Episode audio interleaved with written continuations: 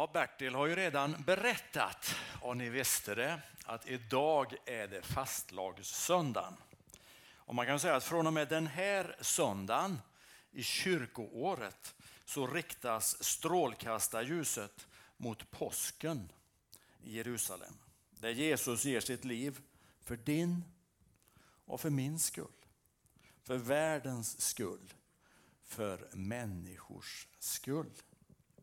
Om du läser igenom de fyra evangelierna så märker du att den sista tredjedelen ungefär i Matteusevangeliet, i Markusevangeliet och Lukasevangeliet det handlar om påsken.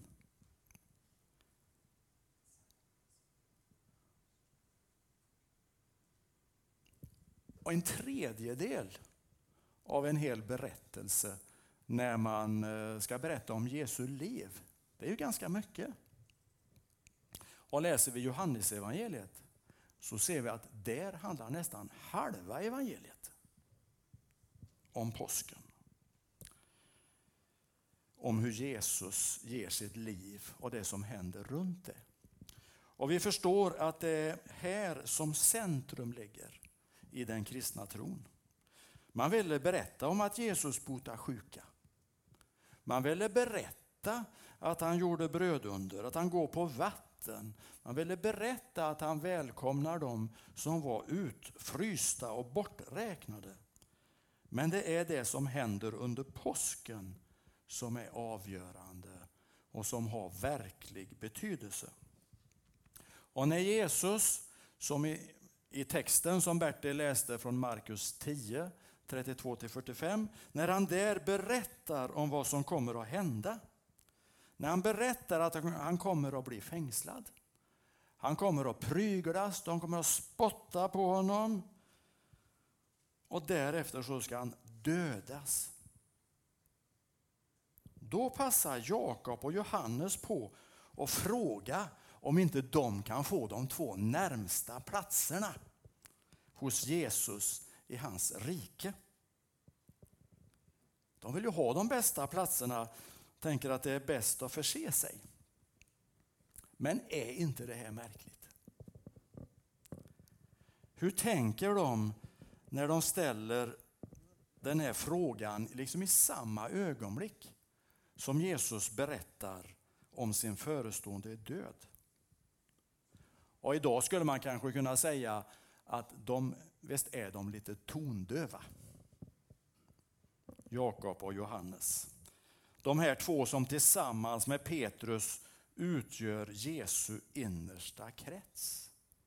Som har ett stort förtroende hos Jesus. Nu försöker de utnyttja den positionen för att gynna sig själva. De vill skaffa sig en fördel inför framtiden. Och läser du kapitlet innan, nionde kapitlet i Markus, så ser du där att lärjungarna haft ett hetsigt samtal längs vägen och diskuterat högljutt, tänker jag, om vem som var den största av dem.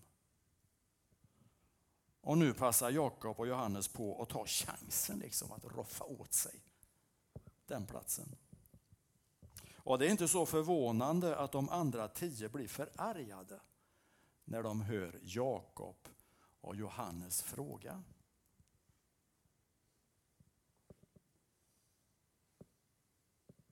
Jakob och Johannes tänkte, kanske tänkte de, makt.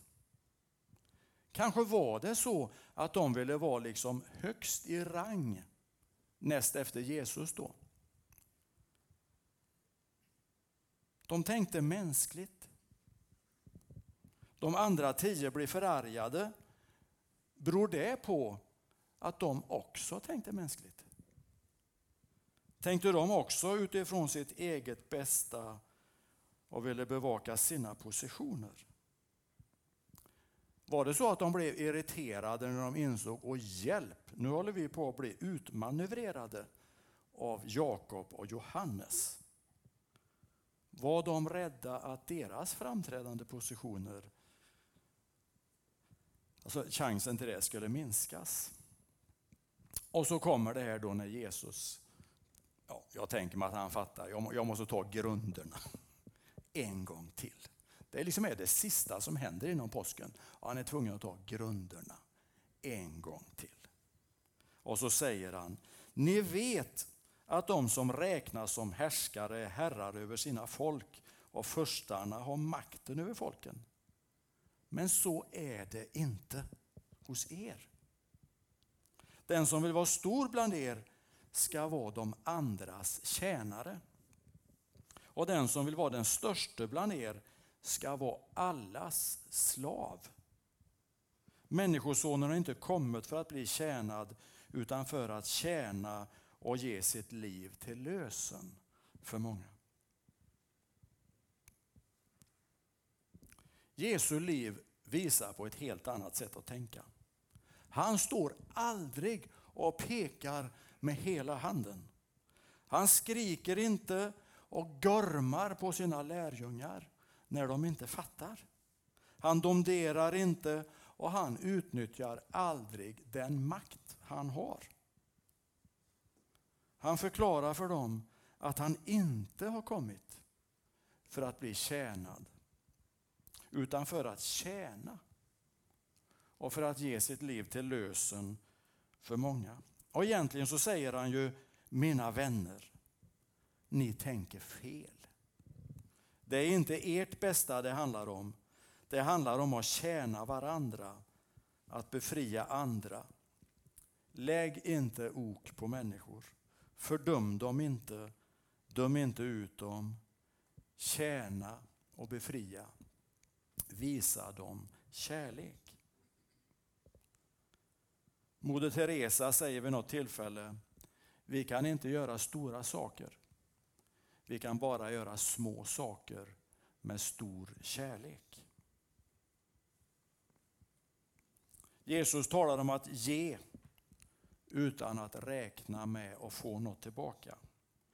Att ge ut av den kärlek som fyller ens liv. Att ställa sitt liv till förfogande för andra människor. För något år sedan så läste jag en bok om Steve Jobs. Det var ju han som grundade Apple, en teknik, ett stort teknikföretag. Och så läste jag en annan bok alldeles efter, tror jag det var, om eh, Teslas, elbilstillverkaren Teslas grundare Elon Musk heter han. Och Det här är två människor som har uträttat oerhört mycket, måste man ju säga. Det finns väldigt många över vår värld som vet precis vilka de här två är. Och De har från grunden byggt upp oerhört framgångsrika företag. De har haft folk med sig givetvis. Deras namn är inskrivna i historieböckerna. Men bägge har nått sin framgång och lyckats genom att ha ett ledarskap som kräver det nästintill omöjliga av sina medarbetare. De har säkert, tänker jag mig, berömt sin personal lite nu och då när de har lyckats. Men det har också varit rejäla utskällningar när resultatet inte har levt upp till de här extremt höga förväntningarna. De har ibland varit iskalla mot sina anställda när resultatet inte lever upp till deras enormt högt ställda krav. Och en del av er är ju fotbollsintresserade. Ni känner ju till Manchester Uniteds succétränare. Han var ju också fotbollsspelare innan det. En skotte, Sir Alex Ferguson. Bland sina spelare så kommer han att bli ihågkommen för bland annat en sak. Och det är ju hans så kallade hårtorkar. Alltså det var ju omklädningsrummet när han skällde ut dem. Så att man kunde torka hår nästan framför hans mun. Eh, så fungerar ledarskap på många håll i vår värld. Man kan fråga Putins nära om de känner sig trygga i hans närhet. Och då är det ju inte bara han, listan kan göras lång. På ledarskap som fungerar på det sättet. Vi kan fundera, hur är det i våra politiska partier? Känner man sig trygg? Hur är det på ditt jobb, där du finns? Vad är det för ledarskap som används? Jesus pekar på ett helt annat ledarskap. Den som vill vara stor bland er ska vara de andras tjänare. Och den som vill vara den första bland er ska vara allas slav. Vad innebär det för dig att se ditt liv på det sättet, på det sätt som Jesus talar om? Och när vi ser vilket liv Jesus pekar på så kan vi fråga oss, vem är det då som vill liksom att vi ställer oss i centrum? Vem är det som vill att vi ska söka, söka vårt eget bästa? Vem är det som vill att vi ska ha skygglappar så vi slipper fundera över andra människor och deras behov? Att det inte är från Jesus som de tankarna och drömmarna kommer ifrån, det kan vi vara helt säkra på. Hur ser kärlekens väg ut i ditt liv? Hur kan ditt livs strålkastare riktas om så att de med allt sitt ljus lyser på Jesus? Hur kan hans kärlek bli påtagligt synlig i ditt liv? Jag vill sluta med att läsa episteltexten för idag där det står så här i Andra Korinthierbrevets 5, 14 och framåt. Kristi kärlek lämnar mig inget val. Ty jag har förstått att om en har dött för alla, då har alla dött. Och han, han har dött för alla för att de som lever inte mer ska leva för sin egen skull, utan för honom som dog och uppväcktes för dem. Därför bedömer jag inte längre någon på människors vis.